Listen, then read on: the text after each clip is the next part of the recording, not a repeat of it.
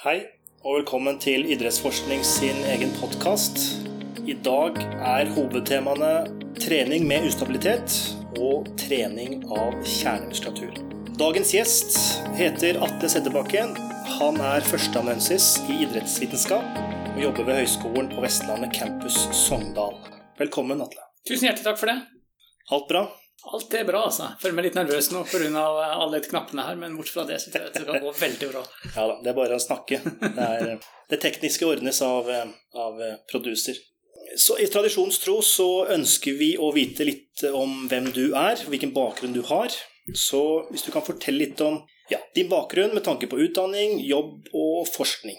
Hvis vi begynner med utdanningsbiten, så begynte jeg student her i Sogndal 2001 og gikk en bachelorgrad i idrett, fysisk aktivitet og helse.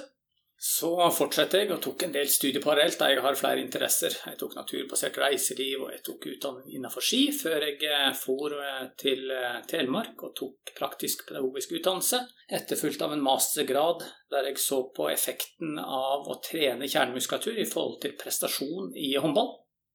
2007 fikk jeg jobb her ved høyskolen og har vært her siden. Når det gjelder en annen bakgrunn, så har jeg drevet med altfor mange idretter. Noe som gjør at man ikke blir god i noe som helst. Men eh, fra en 14-15-årsalderen så begynte jeg å satse på ski og alpint. Eh, og seinere i Telemark, og det drev jeg på godt ut i 20-årene og gjorde, gjorde, det relativt greit. Ja. Hva vil greit si? Hvilket nivå snakker vi om? Nei, Vi snakker om nasjonale mesterskap og ja. Bra. Så bakgrunnen din er ganske brei og allsidig. Er det korrekt? Det vil vi si. Det var kanskje en av de tingene. Jeg kikka i premieskapet når jeg var hjemme her, og jeg tror jeg har premie fra 14 eller 15 ulike idretter. Wow. Imponerende. Litt tilbake til mastergraden din med tanke på trening av kjernemuskulatur og håndball. Mm. Kan du si litt mer om den? Rasjonalet bak er at det er jo en sentralbevegelse som inkluderer mage- og ryggtrening, eller kjernemuskulatur, eller core, som det ofte blir, blir brukt om. Og Tanken var å, å se om dette kunne bedre en kjernemuskulatur og kjernetrening knyttet til rehabilitering og korsryggsmerter og anbefalinger for den generelle folkehelsa. Mm. Egentlig ganske lite innenfor prestasjonsbiten innenfor idretter. Det er gjort noe tilsvarende knyttet til golf og til fotballspark, som også er sentralbevegelser. Eh, men ikke innenfor kast og håndball. Og det var de tingene jeg ønsket å undersøke meg. Og heldigvis hadde jeg tilgang til eh, to håndballag. Så det ene laget fungerte som en eh, kontrollgruppe. Det andre fungerte som en intervensjonsgruppe. Og den intervensjonsgruppa trente jeg ved hjelp av slynger. Et progressivt styrketreningsprogram som inkluderte mage- og ryggmuskulatur.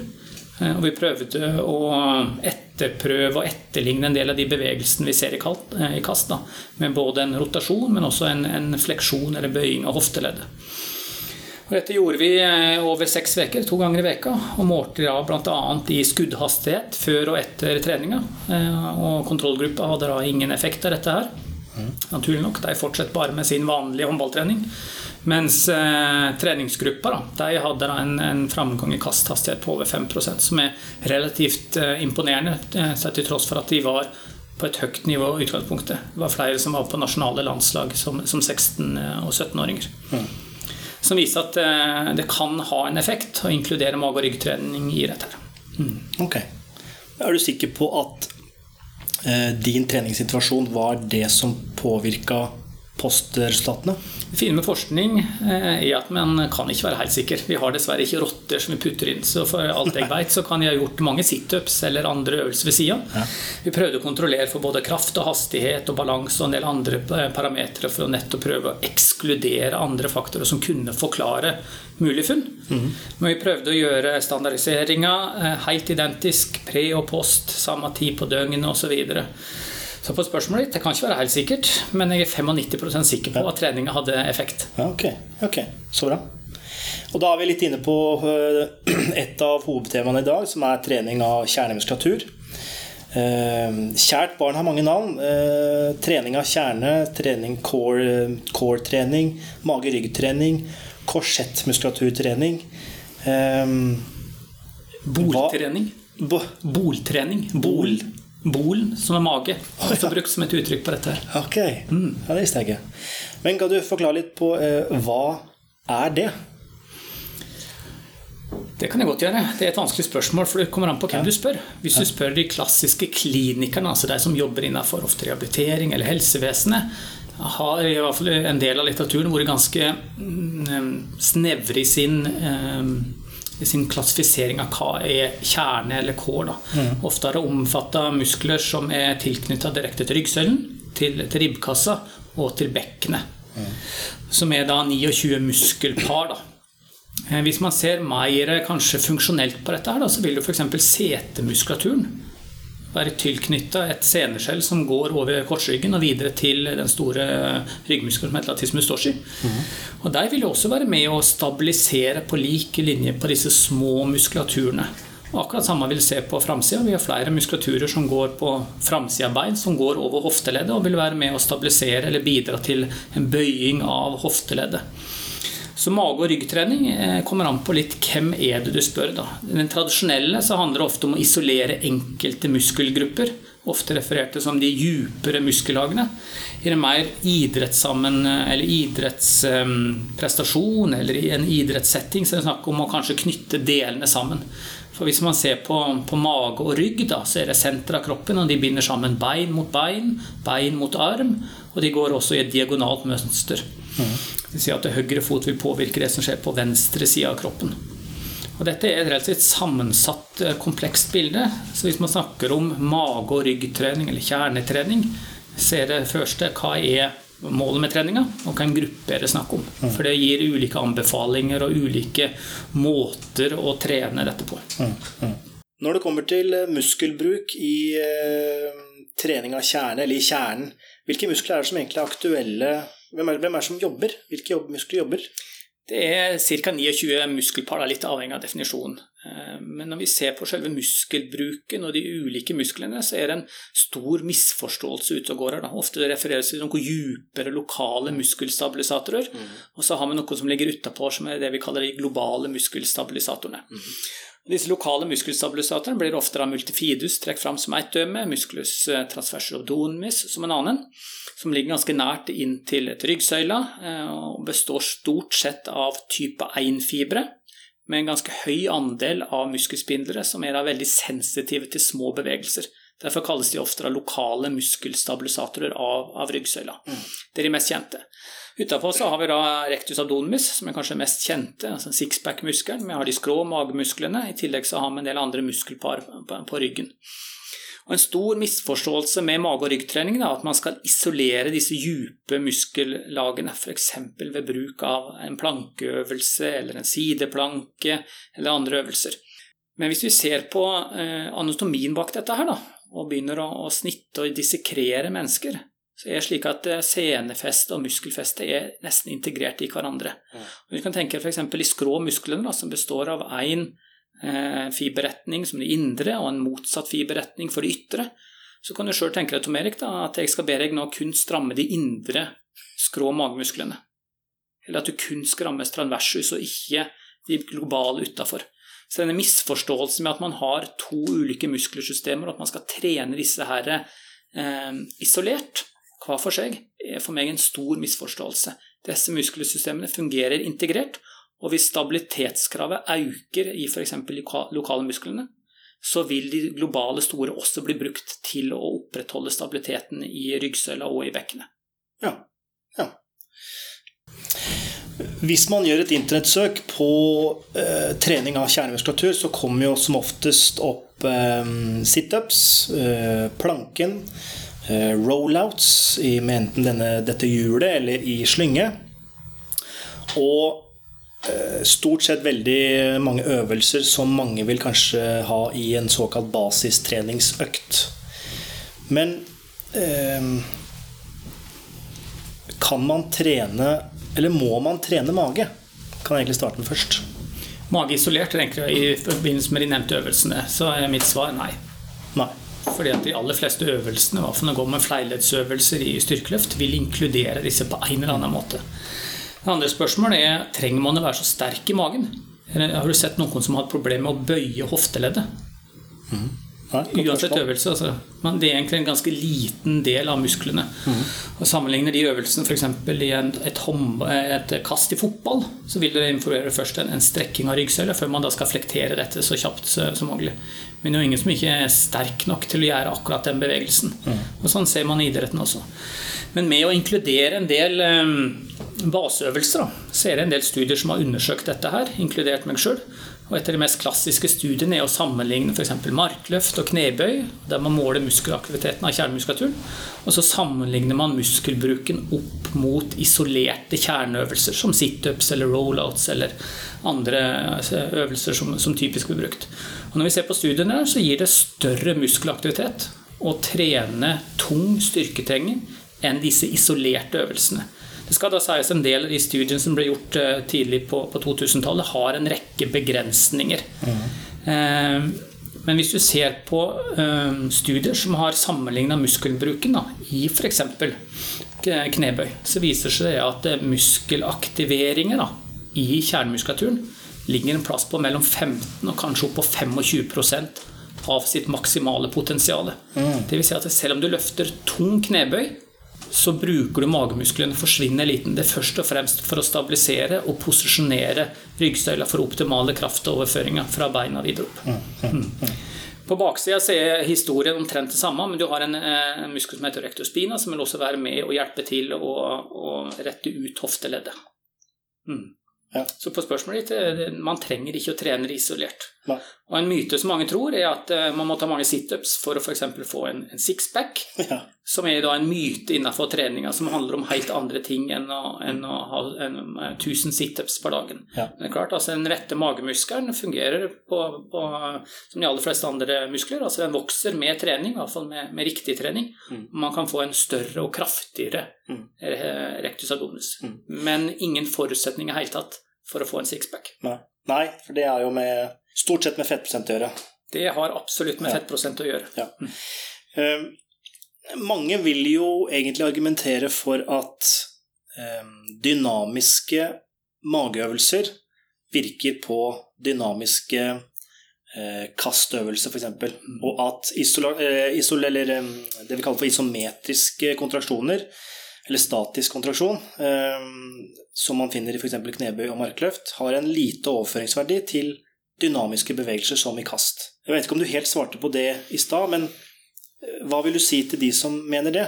For du sa jo at eh, det er ikke noe vits i å trene tradisjonelle eh, f.eks. situps, fordi du får treninga gjennom knebøy og markløft? Jeg sa vel ikke akkurat at du ikke trenger å gjøre det, det kan være et fint supplement. Mm. Men i forhold til tidseffektiv og det man ville brukt tida på, så ville jeg heller tatt eh, knebøy og fleilesøvelse enn å trene disse muskelgruppene isolert. Ja. I forhold til overføring og spesifisitet, i forhold til dynamisk kontra isometriske kontraksjoner, så sprikes det litt i forskninga.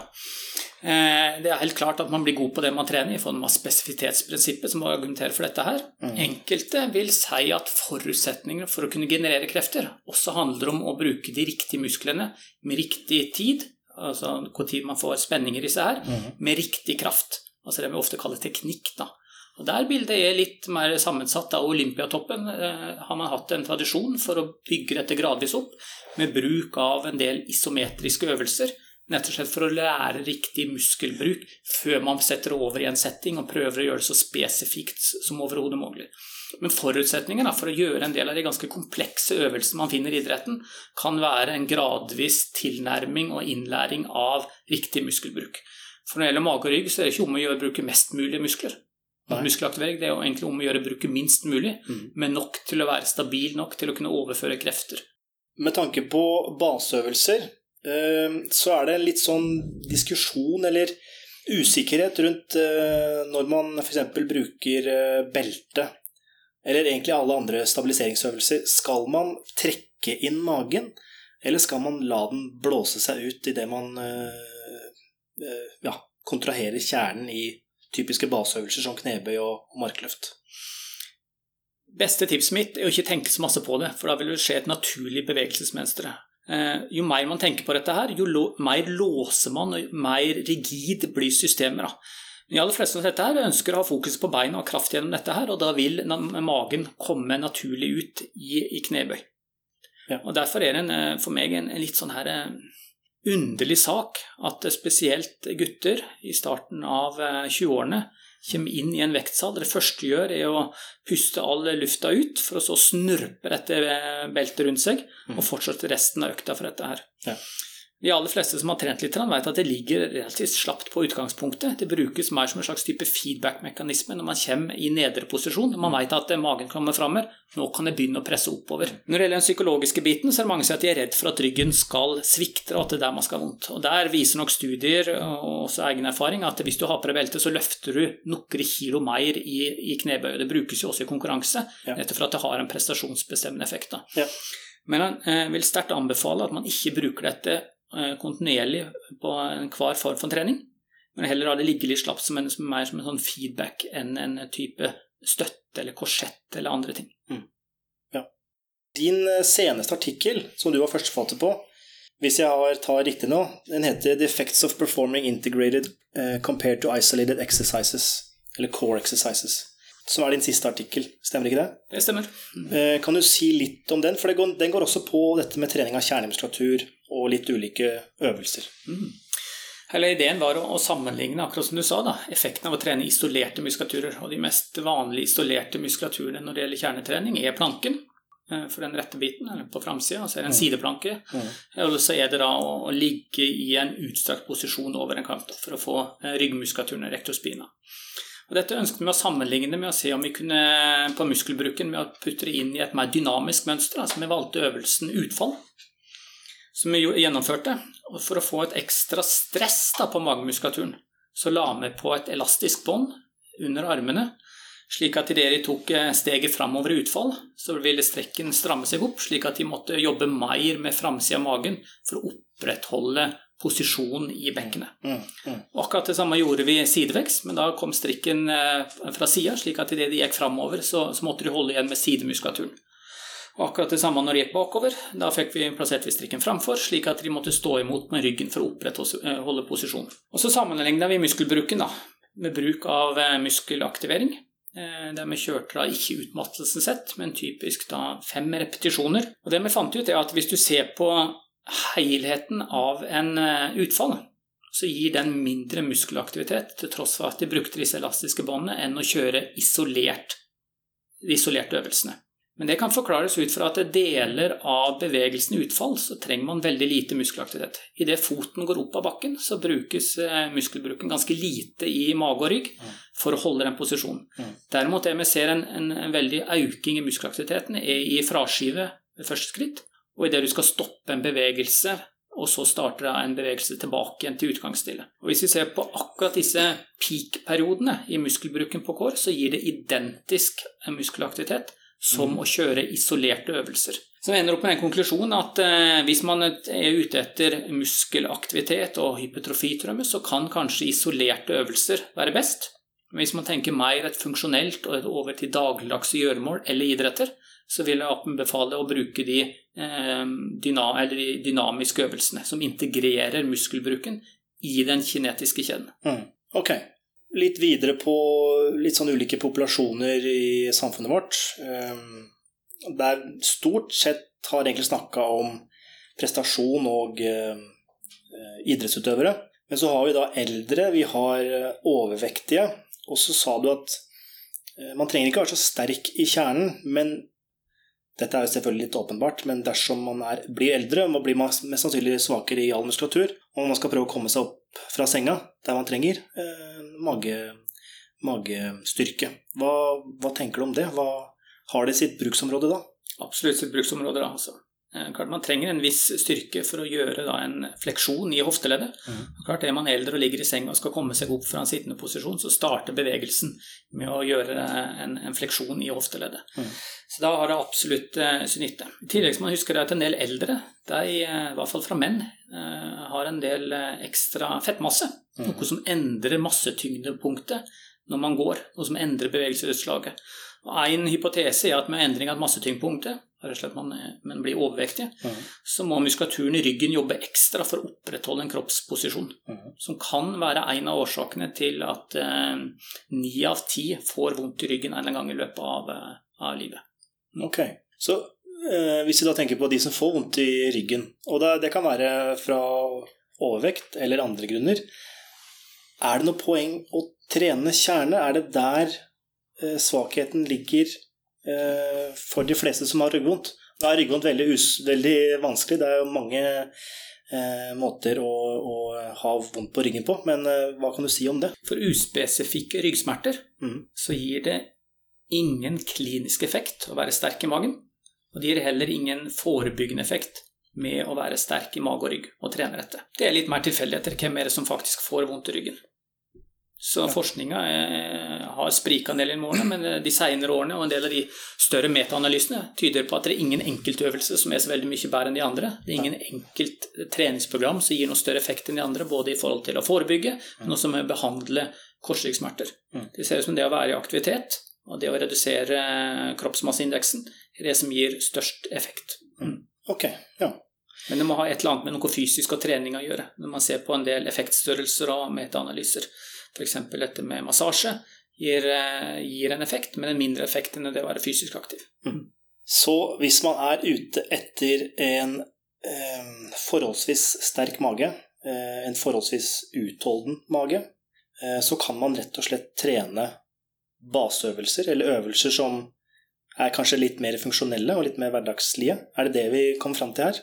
Det går absolutt an å gjøre. Så bare se litt om hva er målet med, med treninga. For en seiler for eksempel, som skal henge utafor ei ripe i ganske statiske posisjoner lang tid, så vil det være en forutsetning og et grunnlag med å trene på akkurat det du skal gjøre. Ja. Hvis man tar en håndballspiller, en golfspiller, en fotballspiller, der involverer en ganske komplekst bevegelsesmønster, men også rotasjon, mm. så kan man jo legge på noen rotasjonsøvelser for å styrke dette her. Mm. For det er klart, jo lengre en varighet en øvelse eller en idrett varer, jo, jo, sterkere du er, jo mindre prosent av maksen din bruker du for hver gang. Ja. Akkurat det samme som er brukt innenfor idrettsforskning når det gjelder styrketrening og arbeidsøkonomi både på langrenn og sykling og løping. Og tilsvarende gjelder for mage og rygg. Ja. Det kan jo tenke seg at eh, blir man veldig sliten i mage og rygg, da, man driver med løping, så kan dette endre teknikken som gjør at man eh, reduserer løpstida. Man har gjort ett studie som har sett på dette. De hadde 5000 meter. Eh, 21 år eh, som er, var talentfulle. Ikke verdenseliten, men de var absolutt veldig gode. Mm. Der man kjørte en, eh, en to ukers intervensjon, eller to ganger i veka over åtte uker intervensjon på mage- og ryggtrening. Og i løpet av den tida så ble det matcha treningsvolum på løping med en annen gruppe, og de forbedra seg 54 sekunder på en 5000 meter. Wow så er det som forskning. Man er ikke sikker på om det var det mage- og ryggtrening, eller var det bevisstgjøring, eller var det andre faktorer som påvirker dette her. Det men, eh, men, studiet viste da en, en signifikant framgang i løpsprestasjon. Ja. Så trening, trening av kjernemuskulatur har absolutt sin, eh, sin, verdi, men det kommer an på hva du skal bruke det til. Ja, man må bruke det på, på riktig måte og til ja. riktig tid. Mm. Og det vil antagelig være et supplement til en del av den veldig spesifikke treninga. Ja. Eh, når det kommer til forskning på dette med, med kjernemuskulatur og trening av det, eh, hvordan, du, hvordan, er, hvordan, burde veien videre bli? Eller hva burde man forske på videre? Først og fremst må man skille mellom ulike måter å trene mage og rygg. Da. Tradisjonelt sett så det, skal det være mange repetisjoner, og gjerne over 15-20 eh, repetisjoner i en mm. serie. Jeg holder på med en metaanalyse som ser på effekten av mage- og ryggtrening i forhold til prestasjon. Og når jeg da skal summere kjapt opp, så de som har mange repetisjoner, altså mer mot det jeg vil kalle utholdende muskelarbeid for mage og rygg, mm. så gir det mindre prestasjonframgang eh, enn de som trener mage og rygg som en klassisk styrkeløfter. Altså ganske få repetisjoner, tung motstand. Mm. Eh, og jeg har gjort noen studier på dette her, eh, som har sett på dette. her. Vi har sett bl.a. på klatring og prestasjon. Eh, der vi prøvde virkelig å la de trene tungt, ikke, maske, ikke utmattelse. Og begge treningsregimer, det ene trente da dynamiske øvelser, det andre trente isometriske øvelser, mm. eh, viste framgang i klatrespesifikke tester, i tillegg til, til styrke i mage og rygg. Mm. Så man ser det at eh, trening av mage og rygg har absolutt sin effekt, men man må skille mellom eh, mer utholdende muskelarbeid i forhold til Eh, mer eksplosiv og, og, mer kraft i dette. her. Mm. Og så er det selvsagt avhengig fra idrett til idrett. Skal man kaste noe hardt eh, en gang, f.eks. en spydkaster, så er kraft- og power-biten viktigere enn å henge utafor en ripe i seiling i to timer. Ja, mm. ja absolutt. Bra. Jeg eh, tenker vi går videre til andre hovedtema, som er trening med ustabilitet. Eh, som du har en eh, doktorgrad på, eller det man kaller for doktorfilos. eh, som heter 'Acute and Chronic Effects of Instability in Resistance Training'. Trening med ustabile, et ustabilt underlag er jo ofte sett på som litt I hvert fall fra det miljøet jeg, kommer fra, litt unødvendig, kan man kanskje si. Men før vi kommer så langt, så kan du jo si litt om hva du mener trening med ustabilitet er. Ja. Eh, trening med ustabilitet er det egentlig å kombinere balansetrening med styrketrening. Ja. Det er ustabilitet i, i styrketrening. U ustabilitet ble først og fremst brukt i rehabilitering. De første kildene vi har tilbake, er fra, fra andre verdenskrig, da man begynte med opptrening. Og man sammenligna da krigsskadde som brukte dette eh, ustabilitet i opptreninga, eh, sammenligna med de andre, og viste at de hadde en, en, en kjappere tilbakekomst av en rekke funksjonsbiter. Seinere, på, på 2000-tallet, så kom det en forsker fra Canada som heter David, David Behm. Ja. Fra Memorial University, og begynte å undersøke effekter mer inn mot uh, friske mennesker. Og Hele ideen og rasjonalet bak er at hvis man står på et ustabilt underlag, så må nervesystemet kontinuerlig jobbe for å opprettholde den posisjonen så man ikke ramler av. Det har alle erfart, de som har prøvd å stå på en balansekjegle eller andre ting, at det, det krever litt eh, kontroll i ankeleddet. Og Dermed så skaper man da en overload i det nervøse systemet. Og man vet det at nervesystemet er det som spiller størst rolle i starten av styrkeframgangen for, for utrente eller i nye øvelser. Så hele ideen og tanken var å skape en overload i nervesystemet, mm. samtidig som man trente styrke og trente det muskulære. Så på 2000-tallet så begynte man å gjøre en del studier på dette her, og sammenligna f.eks. kraftutvikling med å ligge på en, en, en stor swissball. Man gjorde isometriske kontraksjoner av, av brystmuskulaturen, og fant at eh, man kunne få eh, atskillig mindre kraft pga. ustabiliteten men lik muskelaktivitet. Da. Mm. Og så har dette gått sin gang, og det er et relativt nytt forskningsfelt. De første artiklene jeg finner på dette, er fra, fra 2000-tallet, gjort av professor Behn fra, fra Canada. Mm. Nå så er den betydelig mer gjort på dette, her, men ennå er det et relativt ubeskrevet tema, spesielt når det kommer til trening og treningsintervensjoner, og hva effekt det faktisk har over tid, da, ikke bare den akutte effekten. Mm. Og Det var litt av det jeg undersøkte også i, i doktorgraden min, både med den akutte effekten, men også den kroniske effekten blant trente eh, forsøkspersoner. Ja. Du, har en, du, har en, eh, du kan ha en mindre motstand med, med, samme aktivering. Det er det du sier nå? Helt riktig. Ja. Og det kan ha gunstig f.eks. i en rehabiliteringssetting. Mm. At man kan bruke mindre ekstern motstand, men ha den samme nevrale aktiveringa mm. som med tung motstand. På en måte Man kan spare leddene eller den skadde delen, men har samme nervøse aktiveringa. Mm. Mm. Som kan være en fordel i, i mange setninger. Men det man ser, da, med, og jo mer trent du er, jo større tap i kraft har du i, i forhold til stabilt. Da. Og det er kanskje den, den mer mørke delen av ustabilitet. Nettopp at man får mindre stress på muskulaturen mm. enn med å trene på et stabilt underlag. Så hvis vi da tenker oss en treningsintervensjon der to grupper trener ustabilt og stabilt, der den ene gruppa mest sannsynlig produserer totalt mer kraft pga. de trener på stabilt underlag, vil du da tro at de har en bedre fremgang hvis du tenker på typiske kraftparametere som styrke, power osv.? Det fine med forskningen er at jeg tror ikke så mye. Det har noe med religion å gjøre. Jeg lager hypoteser, og så tester hypotesen deretter. Det er derfor du er her. Så jeg har gjort to studier som har sett på langtidseffekten av ustabilitet. Den ene studien så på overkropp, der vi inkluderte 36 godt trente benkpressere. Vi delte det opp i tre grupper. Den ene trente da et veldig stabilt eh, omgivelse. altså De trente benkpress i en Smith-maskin, der det kun er om å gjøre å få den stanga opp og ned. En endimensjonell bevegelse. Den andre gruppa de trente med manualer, som er en åpen kinetisk kjede med ganske stor krav til stabilitet i skulderleddet. Og Den tredje gruppa lo på et, en swissball, som har relativt stabilt underlag, og trente da benkpress med en stang. Det vi så på, da, det er at vi gjorde kontinuerlige målinger i løpet av denne ti uker intervensjonen. Så hver sjuende økt så gjorde vi måling av 6 RM mm. i alle tre øvelsene. I tillegg så trente vi vanlig, tradisjonell benkpress på et stabilt underlag med en stang, for å se på overføring fra det ene underlaget til det andre. Og hypotesen var det at hvis du ble bedre i skulderstabilitet, så ville du produsere mer kraft på et stabilt underlag. Mm. Mens de som trente på et stabilt underlag, vil antagelig ha en dårligere kraft på et ustabilt underlag, fordi de ikke var vant med denne her. Det vi så da, at dette stemte på en prikk de første seks treningsøktene. De gruppa som trente mest ustabilt, hadde størst framgang og mye større framgang enn de som trente stabilt. Mm. Deretter så var treningsframgangen helt lik. Ok. Det vil si at For godt trente utøvere så må man ha noen økter for å tilpasse seg øvelsen. Mm. Men deretter så er treningsframgangen identisk som å trene på stabil, eh, stabilt eh, underlag. Mm. Selv om du har en litt større ekstern motstand. Dette for at du krever litt mindre stabilitet. Og når vi så da på, på etter ti uker og så på, på postresultatene, så var det en stor grad av treningsspesifisitet for deg som trente med manualer, deg som trente på swissball, mens det var størst overføring fra deg som trente på, i smittmaskin, til tradisjonell benkpress. Mm. Så gjorde jeg et annet studie for ikke så lenge siden. Da var jeg på, på knebøy. Da brukte vi eh, ikke så godt trente, men, men styrke, de som var vant med styrketrening, til å se på først en korttidseffekt. Der vi hadde 60 knebøyere som trente to ganger i veka eh, i en smittmaskin med frivekter og vanlig stang. Og frivekter og stang der de sto på to balanseputer. Og akkurat som i det første studiet, så ble det en massiv framgang eh, jo mer ustabilt det ble, Og framgang i i 10 RM, altså Ja. ekstern motstand, Ja. som var massiv. Atskillig større enn på, på noen av de andre parameterne. Mm. Etter disse første tre ukene med, med trening, så ble de randomisert i enten å trene på stabilt underlag, altså i, i smittmaskin, mm. med vanlige eh, frivekter, eller frivekter pluss ustabilt, eh, disse to ustabile putene. Mm.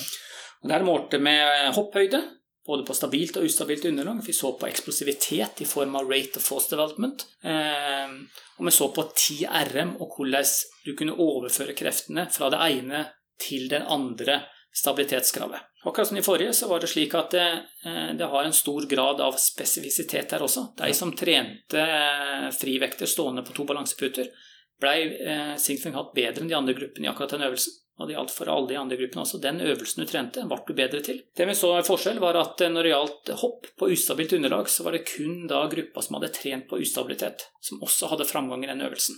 Mm. Ellers var det lik framgang når de skulle eh, kjøre hopp på stabilt underlag. Så man kan si at det er en stor grad av treningsspesifisitet når det gjelder ustabilitet. Ja. Innledningsvis så mente jeg at eh, enkelte av mine, mine venner eh, mener at ustabil, trening med ustabilitet er unødvendig. Eh, ofte er det jo slik at de som sier det, de driver med trening eller idrett som, eh, der de jobber på et stabilt underlag, f.eks. en gressmatte. Det kan være et, eh, et vanlig parkettgulv. Har ustabilitetstrening en hensikt for idretter som drives på et stabilt underlag? Jeg vil svare ja.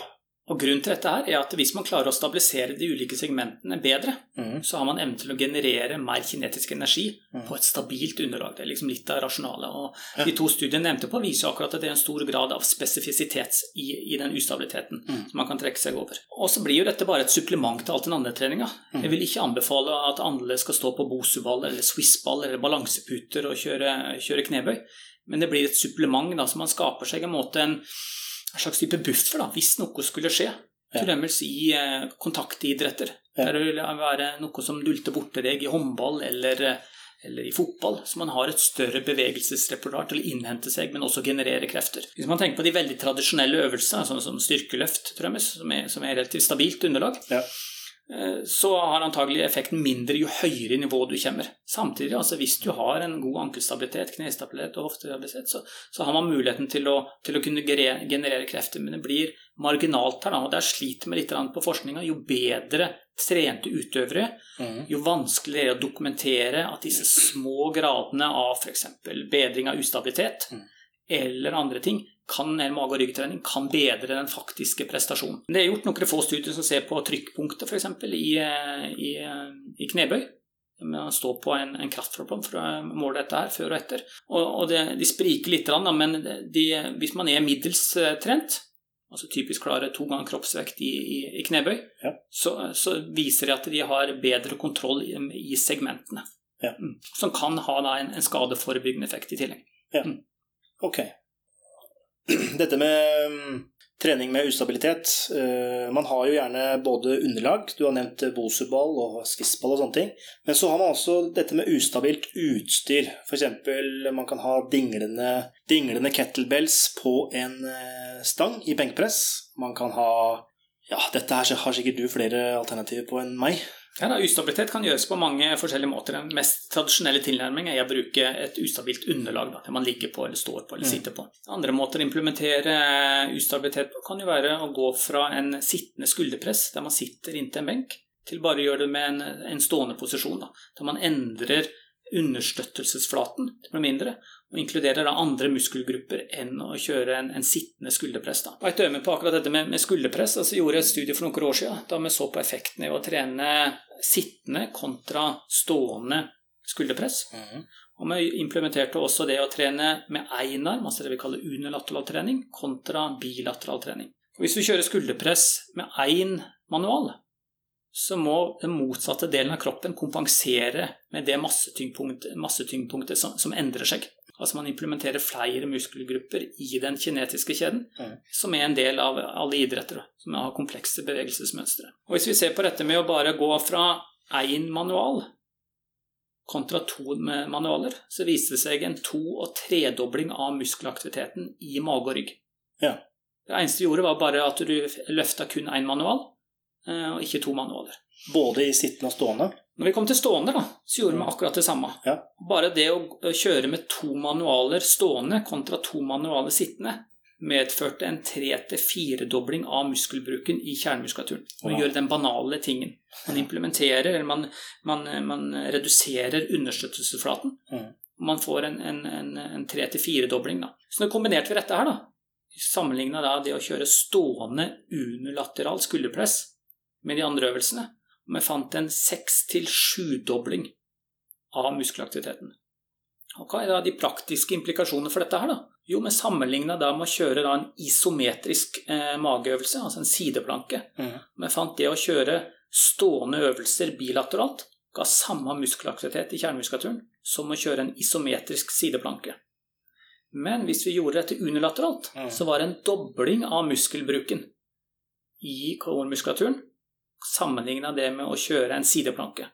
Ja. Så vil si at du får en større aktivering med å kjøre stående enarms skulderpress enn å kjøre en isolerende øvelse for samme muskelgruppen. Dette gjaldt da for de skrå magemusklene. Ja. Og tilsvarende er gjort i, eh, for noen år siden i, eh, i roøvelse. Da vi så på ulike grad av ustabilitet her. Vi sammenligna da å trene i et klassisk eh, kambasert eh, treningsmaskin. Mhm. Sammenligna med en kabelapparat, eller av stående framoverbøyd roing, og så bl.a. På, på muskelbruken i mage og rygg. da.